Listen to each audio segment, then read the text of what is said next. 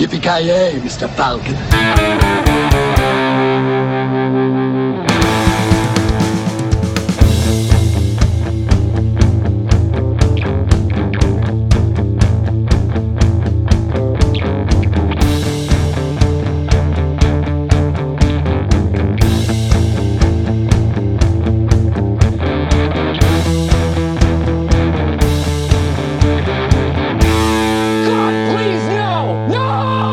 Jajamensan gott folk, hjärtligt välkomna till ännu ett avsnitt av Creative Meltdown Podcast. Ni har med mig Kalle. Joakim Oja. Och Kent. Och den här veckan har vi då ett litet specialavsnitt till er då. Vi kommer prata Motherfucking Die Hard som, om jag har förstått helt rätt, fyller det 30, 40 år eh, i år. 30 år, ja. 30, 30 år i år. Så vi kommer köra en liten uppvärmning här med Dead or Alive i vanlig era här då och sen så kommer vi då köra på lite tankar och idéer för Mr. Avoya Avoya som är första gången som man har sett den här filmen och blandat och sprinklat med lite amusing facts för er lyssnare ute. Men jag tycker att vi hoppar in i Drop it! Chuck Berry. Hon lever. Hon lever. 91 barre. 100 barre. that are alive, you are coming with me. 69 barre, That are alive, you are coming with me. 89 barre, 89 barre. Dead or Alive, och för er som inte vet vad det här handlar om då, så är det den mest morbida leken i poddhistorien. Osmakligt deluxe. Ja, vi tar då skådespelare levande eller döda och gissar om de är fortfarande uppe på jorden eller six feet under. Så vi börjar då med Mr. Dennis och, ja. eh, förklara den där för lyssnarna. Eh, ja da- vem spelar han i Die Hard? Dennis Franz är då för allas som om- omedvetande är han då Carmine Lorenzo från Die Hard 2. Det här är bara kopplat till franchisen Die Hard, så jag har tagit lite allt ifrån. Ja, har nu har fan inte jag har sett Die Hard 2 då men... Uh, vi säger Stone Cold. Nej, då säger jag att han lever bara för att jag har ingen aning. Mm. Han är ju även, eh, eh, ja, har ju varit med i den här eh, serien På spaning i New York, eller NYPD Blue. Ja, Eh, just det. Ja, det är mitt så- svar. Han måste ju ha Stone Cold. Hans cholesterol måste vara through the roof. Alltså, okej, ja, det- it's your final answer. Lock it in. Yes. Han är ju fucking spritt levande Kent, så det är ju liksom fail på er båda där. Han är ju då född eh, 1944, så han är ju med andra ord typ 74 bast. Eh, om jag kan min matematik rätt, vilket jag inte kan vanligtvis. Vi säger 74 bast i alla fall, så alive. Det är fan 74 kul. Men eh, jag kan ju Han lever! Ja, det, det gör han fan mig. Eh, kan Han ju dock konstatera att det, det ser ut som att han har typ kolesterol upp till halsen, så det, det, det är nog inte många år kvar. Att de där hjärtklaffarna har fått jobba så att säga. Ja, så är Mycket det. donuts. Ja, minst sagt. Han gick in för rollen så att säga. Absolut, absolut. Men då har vi då eh, Bonnie Bedelia, a.k.a. Eh, Holly eh, Gennaro McLean, så är ju frun till eh, Mr. eh, motherfucking... Eh, kommer inte ihåg namnet. Eh, to- eh, John McClane. Jajamensan, jag tänkte på namnet på Bruce Willis. Bruce Ja, Willis. hon, hon, hon lever ju så in i helvete. Ja, hon måste ju leva. Hon, hon kan inte vara... Ja, hon är typ så bara 50 bara. Om hon inte kanske. dog igår eller någonting så måste hon leva. Ja, hon måste ju leva. Ja, det är trumvirvel på den. Ja, hon lever ju. Hon lever. Hon är ju då 70 bast är hon ju. Jävlar. Oj, oj, oj, det trodde jag inte. Nej. Nej, Eh, typ 50. Fan, nu gammal det, som är Willis intressant med, det som är intressant med det här, jag, tänkte, jag kan kolla upp det lite en snabbis åt det här bara. Eh, ska vi se. Bruce Willis är... typ- Han är lika gammal som min farsa. Han är vad, 63 tror jag. Ja, han är, han är ju typ 11 år yngre än vad hon är, så det är, det är runt 60, Fy fan. eh, typ där någonstans. Så det, Jag tror han är född, eh, han är född, född 55 Ja, det är jag. han. Samma år. Hol, Holly gillar eh, lammkött med andra ord. Så att. ja, så, Nej, så är det Cougar. Ja, skalligt, eh, skalligt lammkött liksom. Vi kör på det. Men, dåligt, eh, dåligt hårfäste på yngre män. Det, Ja, det, that, Ja. That's, good, that's what get my rocks hard liksom. Det, så enkelt är det bara. Fy fan. Ja, men då har vi ju den första filmens riktiga stjärna enligt mig här då. Reginald Vell Johnson, eller a.k.a. eh, motherfucking... Al. eh, Ja, Al ja. Sergeant Al Powell. Yes, a.k.a. Ja, men jag eh, tror... Äh, A.k.a. Carl Winslow också, eh, med tanke på att han spelar polis i Family Matters också, så det är lite crossover där, skulle jag vilja säga. Alltså jag vill inte leva i en värld där han inte lever, så han, ja, han lever. Ja, jag tror han lever också Ja, faktiskt. men jag vet att han lever. Det, det är ju en personlig Ja. favorit. Reginald Vell Johnson är is fucking alive! Jajamensan! Han har ju då som sagt varit med i eh, Ghostbusters också och kanske mer känd eh, från eh, Family Matters, den här serien med Steve Urkel, där han spelar Carl Winslow. En polis, eh, vilket gör att det blir lite konstigt där i och med att han spelar polis i den här filmen också och året efter när Family Matters drog igång så spelar han ju då en, ja, en eh, polis, en familjepolis där. Men vi går då in på Mr John Amos eh, och han spelar då Grant i Die Hard 2. Jag vill bara, jag vill bara nämna att eh, vi har ju pratat om Crocodile Dundee för ett tag sedan och eh, han var ju faktiskt med i en Crocodile Dundee-film, Val Johnson. Eh, tillbaks till den här snubben. Ingen aning, men vi... Alla har varit levande hittills, så det måste vara Stone Cold. ja, jag, jag tänker också så. Utes, ja, ja, uteslutningsmetoder. Eh, mm, ja, han är Stone Cold. John Amos är ju då eh, känd som, ja han är känd från filmer som eh, En Prince i New York, eh, där han spelar Cleo McDowell. Eh, Good Times hade med också, en serie från eh, 70-talet. Eh, om jag inte förstått helt rätt så är det typ, ja, whatever the fuck, skitsamma. Hur som helst, han lever i alla fall i det här fallet. Han är ju då född 1939, så han är ju nästan 80 barre. Fy fan. Lottora, vem är död? Vem är nästa person? Alexander Gundov. Eh, ja, Gudnov.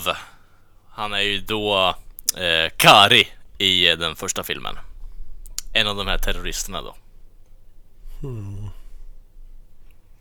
Det måste vara dödsfall här vad gäller. Vad känner du? är han... i- Och så är han med i den här första. Han är med i den här första. Han är ju Den långhåriga. eh, den långhåriga Jaha, blonda ja, jäveln ja. Eh, han är det var väl i ju... och för sig typ alla. Ja, Men det är typ hans... Äh, Grub, äh, Hans Grubers typ right hand man. Alltså. ja, jag tror det är det. Precis. Jag tror det är det. Ja. Uh, Jag säger, att, jag säger att han är död. jag får... Stone Cold. Ja, alltså, ja, jag måste ju säga någon måste ju vara Stone Cold på den här jävla listan. Så, jag, jag, han, han fick någon jävla hjärtattack för typ fem år sedan. Han hade en machine gun så att säga. Ja, så var det. Ja. Nej, men den här jäveln, han är ju stone cold. Han blev ju bara 45 barre och han dog Jävlar. 1995. Så det är ett tag sedan. Jävlar. tragiskt. Fy fan. Yes. Var det hjärtproblem på grund av roids eller var det någonting annat? Han var rojdad med jävligt. Uh, vi ska se om jag får upp något vettigt här. Uh, uh, det- det- det- det- det- det- inget där, inget där. Nej, ah, fuck it. Han dog bara. Uh, Ja. Ja, det var John McClane came for him. vi går i vidare såklart med ett litet snack om Die Hard som då fyller 30 år. He's inside.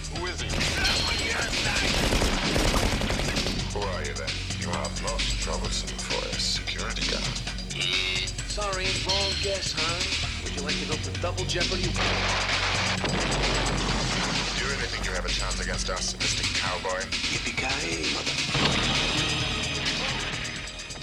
Så, Mr. Avoya, det är första gången du ser den här filmen nu. Eh, tankar?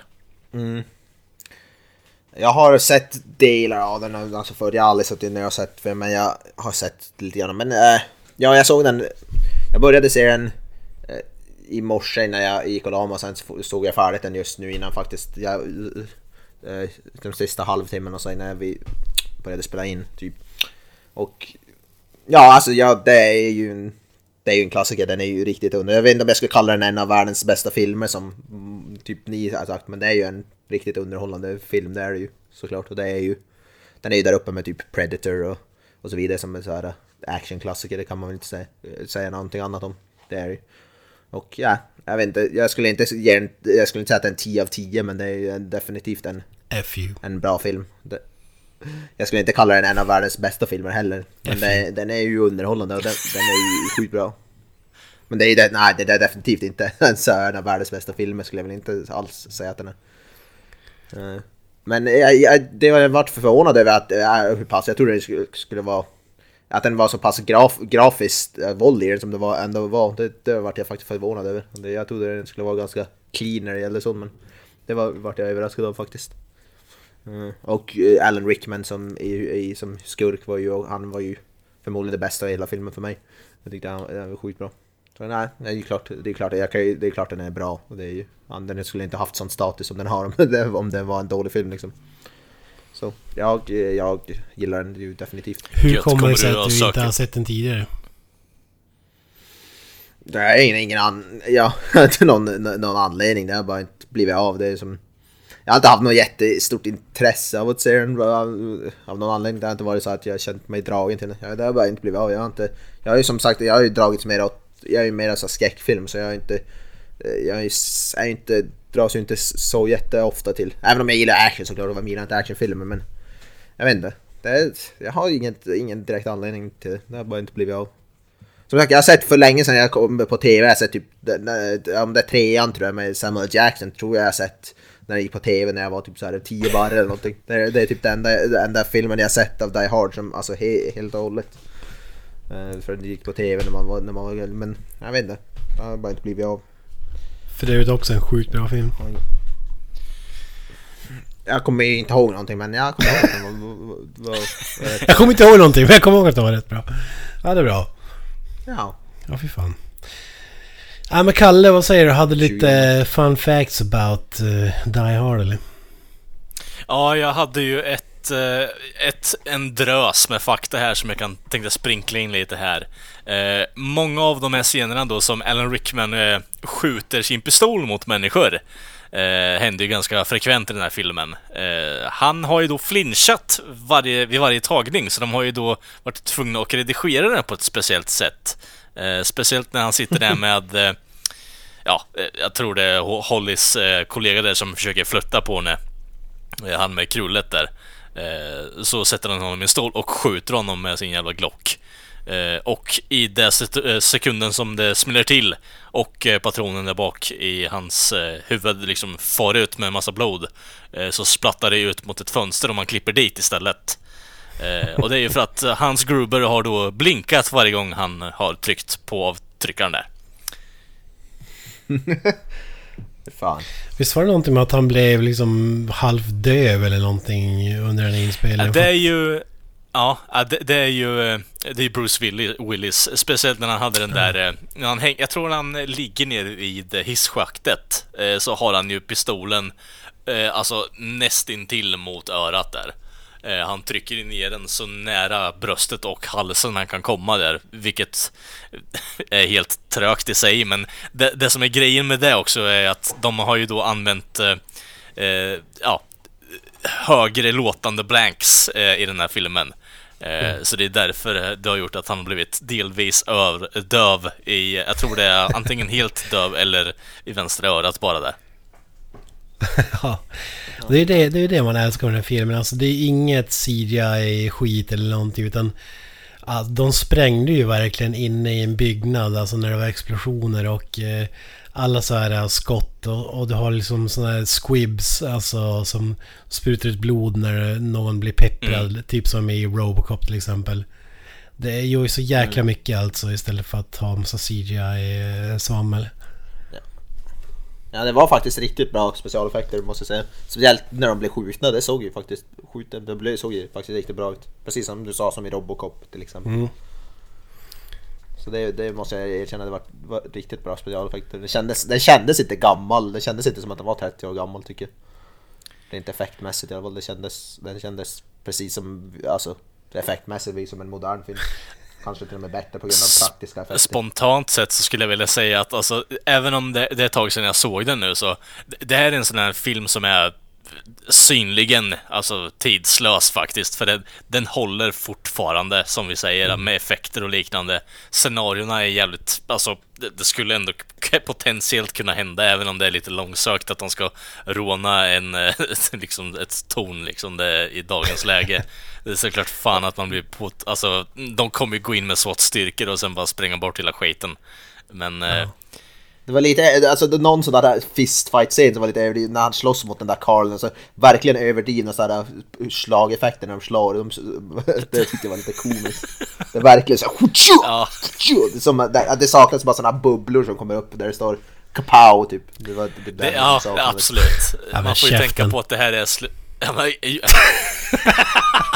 Ja, men... Så var, det var ju så. Det var ju alltså verkligen Nej, mest överdrivna som punch-effekterna Man får ju, man får ju faktiskt tänka på att man får ju faktiskt tänka på att den är ju gjord i slutet på 80-talet också. Det var ju inte riktigt så förfinat än, utan det är ju fortfarande den här drösen av eh, 80-tals slack egentligen. Men det är, det, det, det är så fint paketerat och så underbart genomfört så ja, den får ju en pass av mig där bara för det. Det, det är mycket blemishes. Ja, jag tycker inte det var något negativt. Jag, som, som sagt, Nej, vi, vi, vi, var, vi skippar, skippar det här dravlet. Eh, fun fact, eh, Nakatomi Plaza, skyskrapan här ja.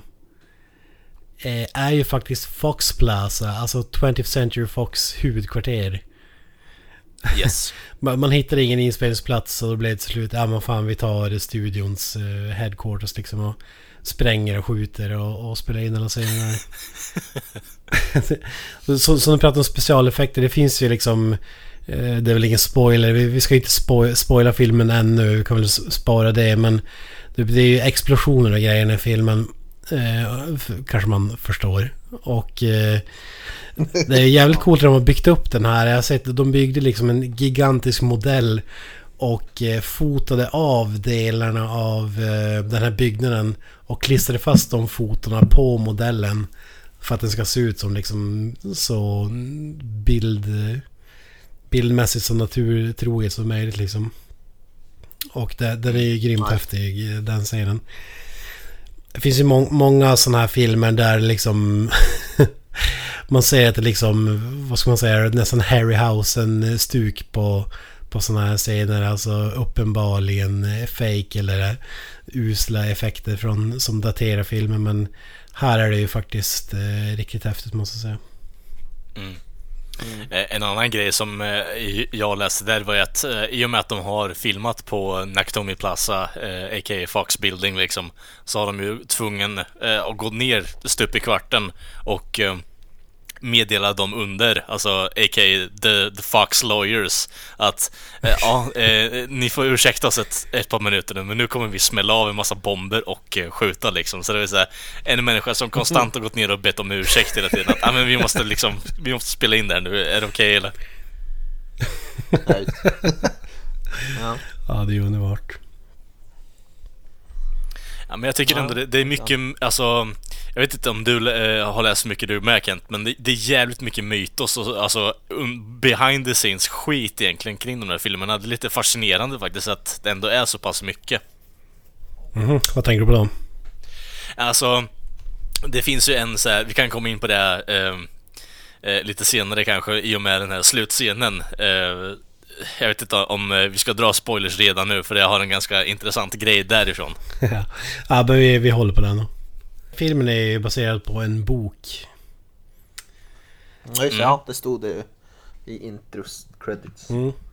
Roderick Thorpes crime novel Nothing Lasts Forever. Och det yes. kanske inte direkt eh, adaptation tror jag. det var, var väl viss skillnad liksom men det, det är ändå... Alltså många av de här filmerna har ju det gemensamt. Rambo och så vidare. Det är oftast eh, en novel bakom. Eh, oklart om det, ja. det kanske är 90% av alla filmer som görs som har det men... Ja, ja det, det brukar inte alltid vara så med actionfilmer just. Eh, så, så det är lite coolt. Men eh, det här var ju Bruce Willis liksom breakout-roll. Men han var, han var ju definitivt inte första valet. eh, Utan det, det slutade med att de fick ju nöja sig med honom. Det, det var ju typ Han- en jag tror han var- 73-årig Frank Sinatra var den första som blev erbjuden rollen. Ja.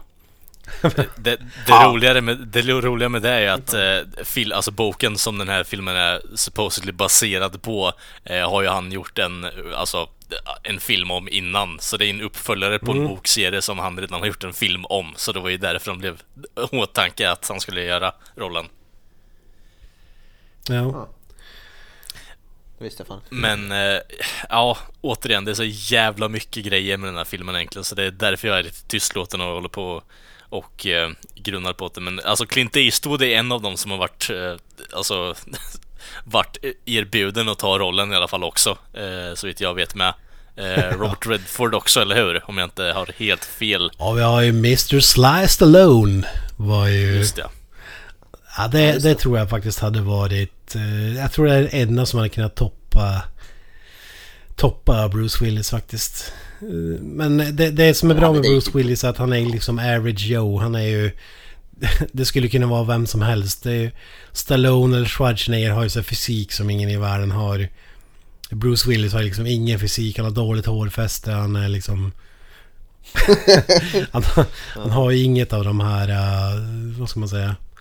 Det, det är lite som superhjältefilmer. Alltså allt som krävs att du blir biten av en... eh, av en spindel så är du en superhjälte. Alltså li, li, lite av den typen av... Uh, stuff tycker jag att han tillför rollen.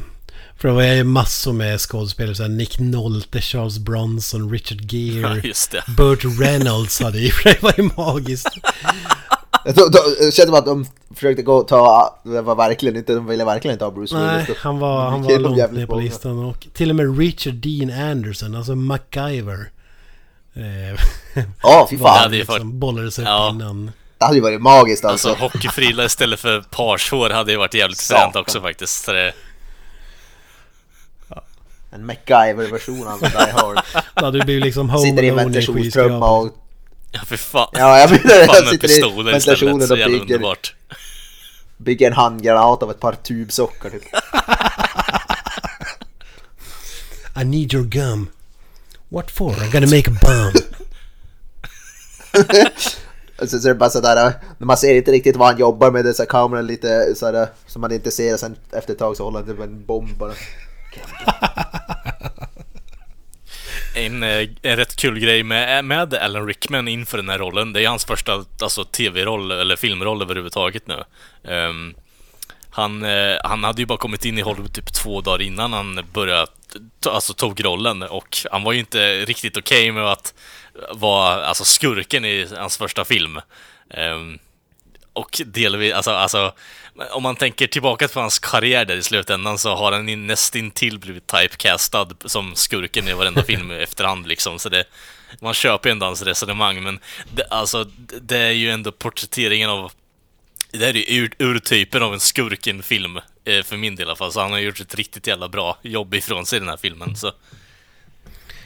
Så, men jag tänkte, var det någon annan påtänkt som rollen för, för han, eller var han den första? Nej, jag vet inte riktigt. Jag, det har jag inte hittat någonting om, men alltså det, han, eh, han landade ju det där eh, dagen, alltså dagarna efter att han kom in i Hollywood där i stort sett. Så det, han har ju säkert blivit, alltså, kau, eh, kau, eh, kan jag inte prata, scoutad innan på något sätt. Så svårt att säga, jag har inte hittat någon information gällande skurken där, eh, mer än eh, Hans Grubers eh, deluxe performance av Alan Rickman liksom. Så Vad, man älskar med rollen är att på den här tiden var ju jäkligt vanligt att skurkarna liksom är överdrivna, som du säger, mustache twirling eller så ja, här, eh, conquer the world eller eh, jag menar all, all möjlig skit. Men han är ju liksom iskall, stenhård och eh, cool, så här vältalig och... ja, det är, jag tycker att han, Hans Gruber, alltså han är, det han är nästan som ett... eh, Som ett fenomen. Jag tycker han är uppe där med Darth Vader och så vidare. Alltså sådana här riktigt ikoniska bad guys alltså. Ja, gud ja. Jag har en follow-up där i och för sig Jocke om du är intresserad. Sam Neill eh, har turned down, eh, turned, ja, drog ner rollen som Hans Gruber där. Han eh, var inte intresserad. Ja, fy fan. Till alla, till Ja, det alla hade våra blivit en helt annan nöjen film om man säger så. Ja, gud ja. Jurassic Park. Jag är ingen emot Sam Neill direkt så, men nej, jag vet inte. ja, Fy fan. är inte sånt. Ja, det, det är nej, bara men, eh, gudarna för att det aldrig blev av. Ja, jag känner mig att det hade inte varit en sån film som man hade hållit upp som action eh, och filmikon om vi säger så direkt. Det hade varit en helt annan film som vi sa innan det. Jag gillar hans brytning, han, vad heter det, Alan Rickman. Han är, han är ju, jag vet inte hur autentisk den är men jag, jag gillar den. Ja, det är, det är mycket, du blandar liksom brittiska med amerikanska och sen tyska. Det, det, det, det, är fan svårt att hålla upp alltså. Det, Ja, Det, det är det som gör att den låter så jäkla stenhård på något sätt. Alltså, ja. Yippee cowboy. Kommer säkert få någon hatmail om, om att eh, någon från en tysk som nej den är inte autentisk.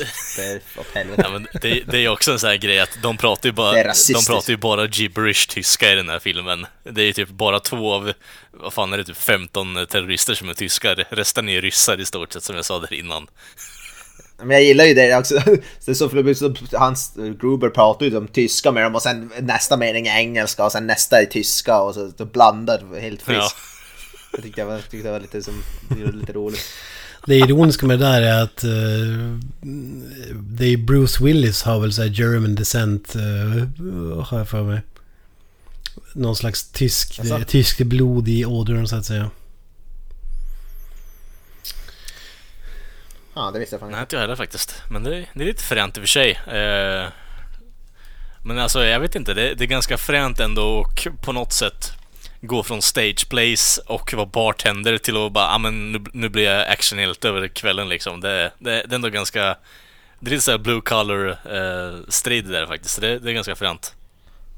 Vad fan, hade, hade Bruce Willis gjort någonting innan där? Han har ju varit med i lite typ... Typ den här TV Ja, han har ju varit med... Ja, den här tv-serien Ja, hade han ju. Han hade ju en Eh, tv-serie. typ. Miami Vice var ju med i ett avsnitt i alla fall. Eh, vet jag.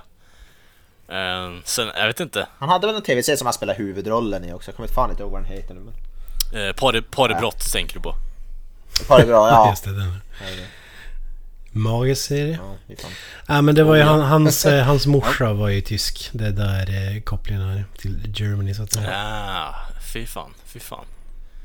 Tänk om rollerna var det omvända. Eh, Bruce Willis spelar Hans Gruber och Men, eh, vad heter det? Det- Alan Rickman spelar John men det är lite det, är lite det jag känner att film. det skulle bli en intressant film där med om eh, Ja, så stilige Alan Rickman går omkring och kryper i ventilationstrummorna och så ser det så här, Ja, tunnhårig Bruce Willis med dålig tysk accent och eh, pratar grov amerikanska liksom i andra sidan där. Det, jag vet inte. Jag kommer blow your mind nu när jag säger att jag hade ju hellre sett det här. Att Bruce Willis karaktär byter plats med Reginald Val Johnsons karaktär. Ja, Ja, Paul Blart han- liksom. ja, han Ja, hade ju fastnat i ventilationstummen och sen hade filmen blivit jävligt stor. Det blivit som Nalle, Nalle, Puh, Nalle Puh i vad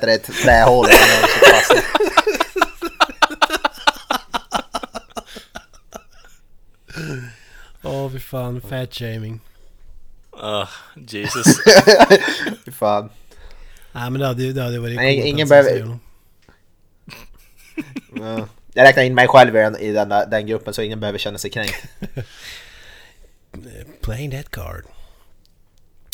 Aj, jag ska Oh, vi ja. lämna den här uh, faktadelen och uh, ska gå in på... Den är ju ikonisk den här filmen. Det är ju många filmer som har kopierat den uh, sedan den kom ut, minst sagt. Mhm. Uh, för något avsnitt sen här pratar jag bland annat om Speed som... eller som den är mer känd som Die Hard on a Bus. Det, det är ju Ja. ruskigt många filmer som liksom har, har tagit över. Det är ju det som är som lite unikt med Die Hard är att den som ut- utspelar sig i en byggnad bara. Många actionfilmer idag är ju för att det ska ju vara som behöver hela världen och det ska sprängas kontinenter och fan och hans moster. Men det här är som bara liten och det är väl det som, ja som speeden utspelar sig på en buss. Vi har ju pratat om Dread också tidigare. Det är ju, det är ju i princip en science fiction version av Die Hard för fan. Ja. Ja, i mångt och Ja, mycket absolut. faktiskt. Så det, Instängd i en byggnad med inom Mm. parentes terrorister och...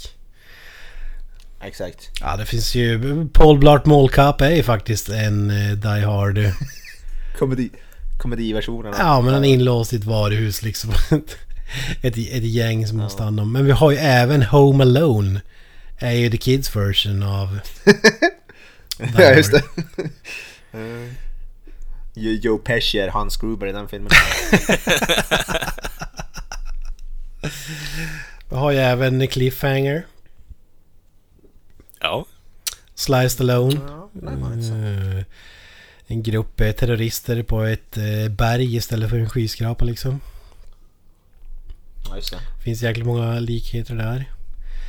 Ja, det, listan är lång. The Rock får man ju säga. Har du något mer exempel som kommer? Snakes on a plane kanske? Jag känner att... Eh, Ja, det är ju som en intressant genre det där med eh, fil- filmer som utspelar sig bara på en, på en plats. Alltså det är ju på något sätt bättre för filmen i sig om man är lite grundad eh, i sin story. Alltså att det händer på ett specifikt ställe för då kan du ändå bearbeta och jobba lite mer med karaktären istället för att Åh nu händer det här, nu måste vi göra den här förändra jaktscenen liksom. Utan nej, ta, ta ett steg tillbaka. Jag tycker ändå det, det är ett bra exempel på i, i och med att det är många som har kopierat den i efterhand också. Så eh, jag vet Första Purge utspelar sig bara i ett hus, det är kanske är skräckfilmsversionen. Ja precis. Alltså det, Så. det, är, det är säkert flera som har gjort det innan men alltså det... Ja, så. Ja. Det är ju rätt populärt inom skräckfilmsgenren att göra så att det utspelar sig Mm. bara på ett ställe. Det finns ju en, en del där. Ja gud ja, det är ju bara att kolla på alla fredag den 13 liksom så. Ja. Tänk er den här filmen med Ryan Reynolds när han är begraven i en kista, det är ju verkligen Mhm. Ja extremversionen. gud ja. Usel film för övrigt. Nej, den är ju fan bra ju. Ja men tillbaks till eh, Die Hard. Det, det, det man också uppskattar med det här, vi har ju pratat om bad guysen riktigt bra och utan att spoila någonting så finns det en twist i den här filmen och eh, det är som många filmer som eh, krånglar liksom till det och eh, det blir liksom inte eh, underhållande. Men här John McTiernan, regissören, eh, tog ett fantastiskt bra beslut tycker jag som gör att filmen bara blir liksom ren underhållning utan krusiduller. Ja men Kalle, vad säger du? Du måste ju... Mr. Avoya var ju lite ljummen så här men du måste väl ändå tokgilla den här filmen eller, eller vad säger du? Ja gud ja, alltså för min del är det här actionfilmens actionfilm. Liksom det, det här är urtypen, det är arketypen på vad en actionfilm ska vara. Du ska ha fräna scener, du ska ha en grundad story, du ska ha en, eh, alltså igenkänn, eh, ja, igenkännbar karaktär, han ska vara blue collar, han ska kunna på något sätt vara en ja, eh, vad ska man säga, eh, det bästa jag kan komma på är att ha en vit, eh, en vit, inte, inte vit man utan vad fan tänker jag på, en vit tavla som, som du liksom sm- smetar ner massa skit med, som alla får vara med och se under, du får se någon form av progression med hur karaktären målas under filmens gång, det vill jag komma fram till. Ehm, Ja, men alltså det, det är terrorister, det är vikar, det är fräna actionscener, det är catchphrases, det är liksom, det, det är precis allting man vill ha i en actionfilm. Så det, för mig är det som sagt arketypen och det är den actionfilmen. Eh, Är det 10 av, är det 10 av 10 du skulle göra? ja, alltså det, nej inte 10 av 10, men det är definitivt en 9 tycker jag i alla fall. Eh, det är svårt för... Alltså jag, jag skulle nog passa även... Jag, jag skulle nog ändå ge den... Jag är inte så ljum, en 8 skulle jag väl ändå sätta på den tror jag. 8 av 10. Fan. Så jag är inte så långt ifrån. Men jag, Ja, ja. för mig är det solklart 10 av 10. Alltså, den har ju allt och som du säger, det är actionfilmers actionfilm liksom. Alltså, det är bara att kolla på all, alla som har kopierat eh, både konceptet och upplägget och tonen och så vidare. Alltså det är helt eh, fantastiskt. Framförallt med tanke på när den gjordes liksom. Jag har så svårt att se vad man skulle kunna klaga på i den här filmen egentligen. Alltså du har liksom all, alla karaktärer fyller en roll också. Det finns ingen, du kommer ihåg i princip alla bikaraktärer. Alltså kanske inte namnet och så här, men vad deras uppgift är. Det finns, det är inte många bikaraktärer som inte har liksom någon uppgift utan eh, känns verkligen som att alla kommer till användning och är är memorable så att säga. Och så har du ju som du säger eh, lite så här average Joe eh, hjälten också. Det är ingen sån här överdriven... Eh, sakerna han gör eh, är ju inte heller så här super... Alltså det, det är så trovärdigt en sån här film kan bli i princip. Med något eh, undantag. Här och där. Men den, den- den är inte så här over the top som en typ Arnold-film hade varit eh, vid den här tidpunkten och så vidare. Utan den här, den här var ju någonting helt annat. Första seriösa, act- riktigt seriösa actionfilmen kan man väl ändå säga. Ja, alltså... ja, det måste jag Ja, hade det varit Arnold i den här filmen så hade inte han varit en hög med typ nerbankad köttfärs som eh, Bruce Willis säger i den här filmen. Eh, han hade varit helt unscathed och eventuellt haft lite skit på armarna och i ansiktet. Eh, Bruce Willis är ju typ uppskuren på både fötterna, ansiktet. Eh, han ser ju inte ut som han har mått bra liksom, så det... Det är ju typ den första filmen som jag tänker på rent actionmässigt att hjälten har både ups and downs. Eh, mer, up, mer downs än man har ups egentligen. Ja, ja men det är ändå, det, det känns som ändå en, det- han känns inte som en super soldier. Det kan jag väl, det, det uppskattar Han känns som en Han känns inte som. Rambo alltså. som... Ja, ja men det är det, definitivt, kan väl definitivt skriva upp. älskar ju också även hur filmen är filmad. Alltså det är ju riktigt häftigt. Den är ju filmad som en typ krigsfilm kan man säga.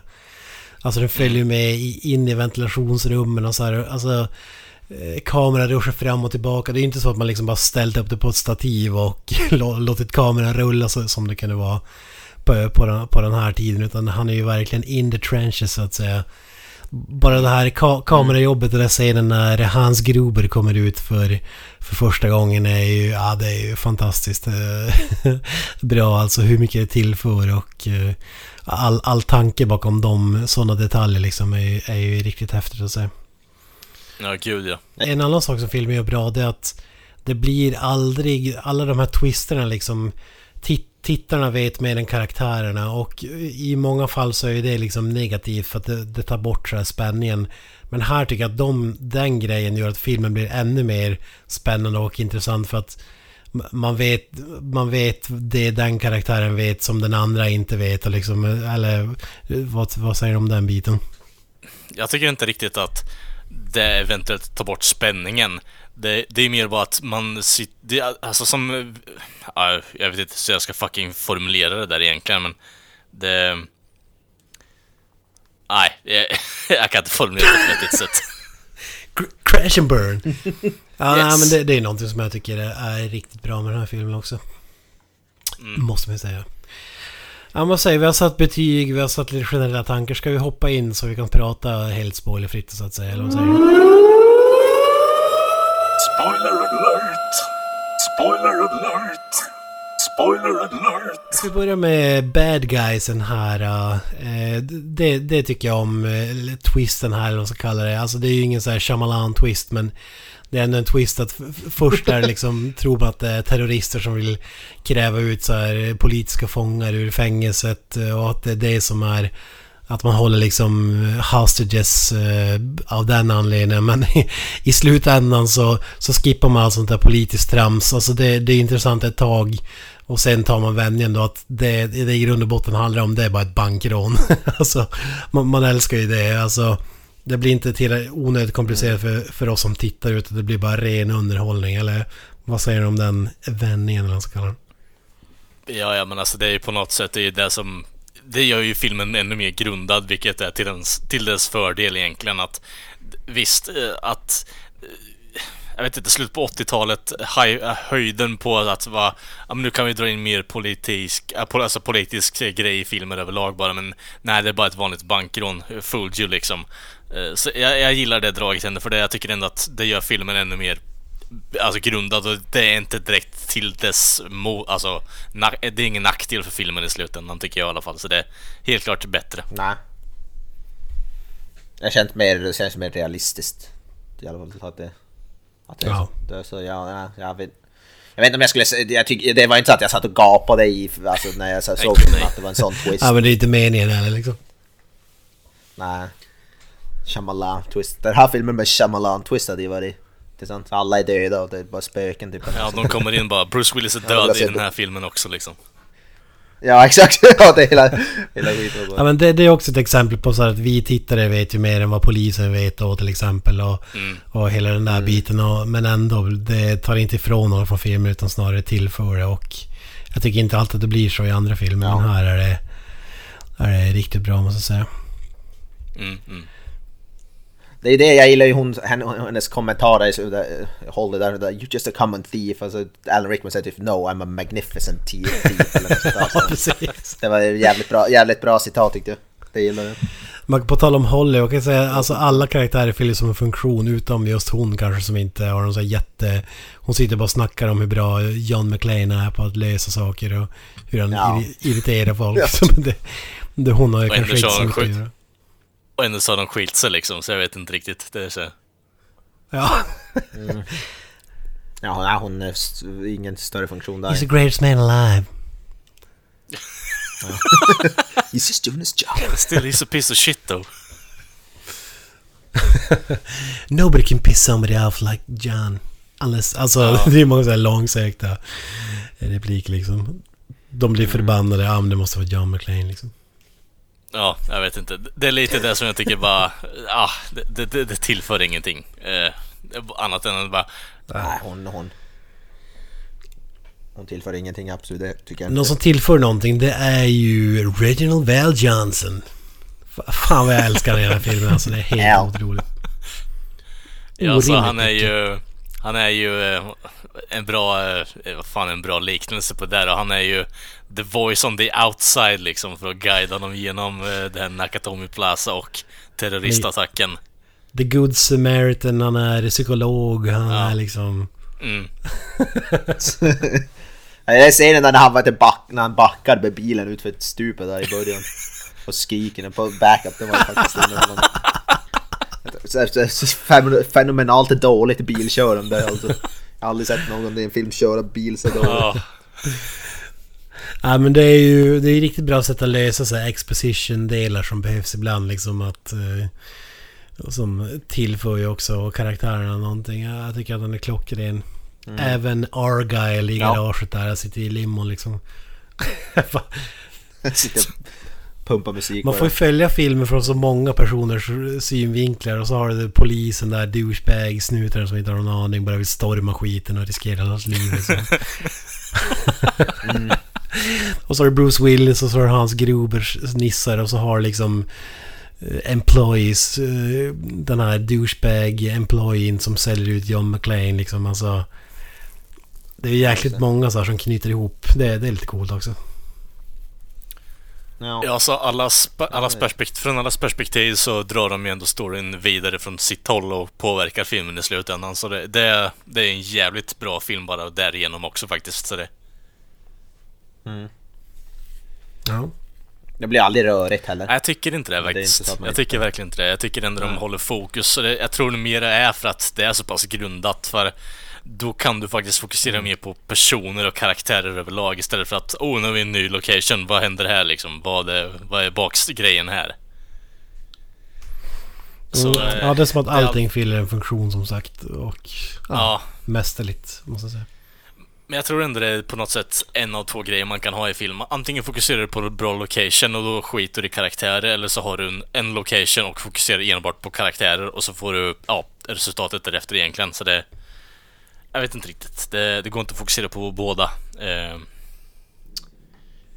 inte till den nivån i alla fall, tror jag inte. Jag tror man skjuter sig i foten fruktansvärt annars. Ja. Nej men John McTiernan, alltså det är sjukt vilka filmer han har gjort egentligen. Alltså Rovdjuret, Predator, Predator. Die Hard, eh, Jakten på Röd Oktober, Sista Actionhjälten, Die Hard with a Vengeance. Alltså det är sjukt bra filmer alltså.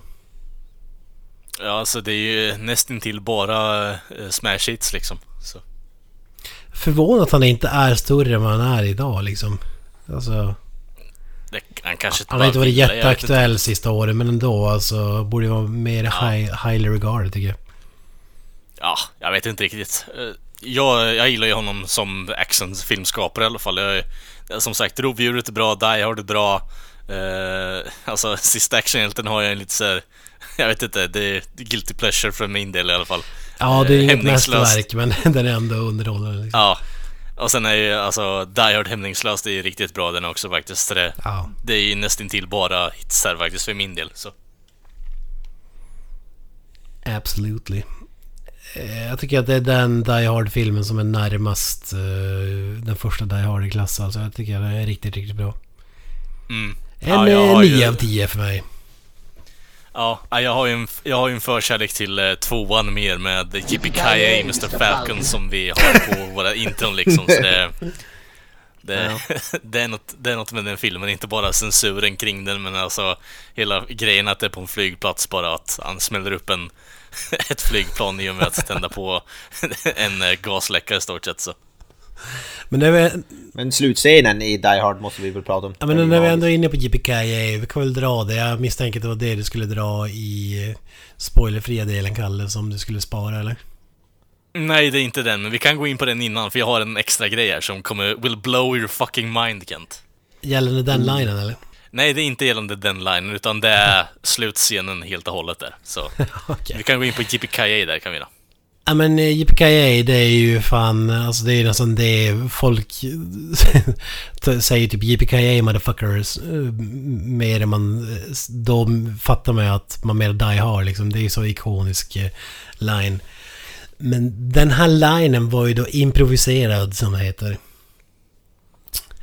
Var ju. Bru- Bruce Willis skulle bara säga för shock value skulle han säga något sjukt. Påstår han själv då. I den här serien. Och då säger han JPKA motherfucker.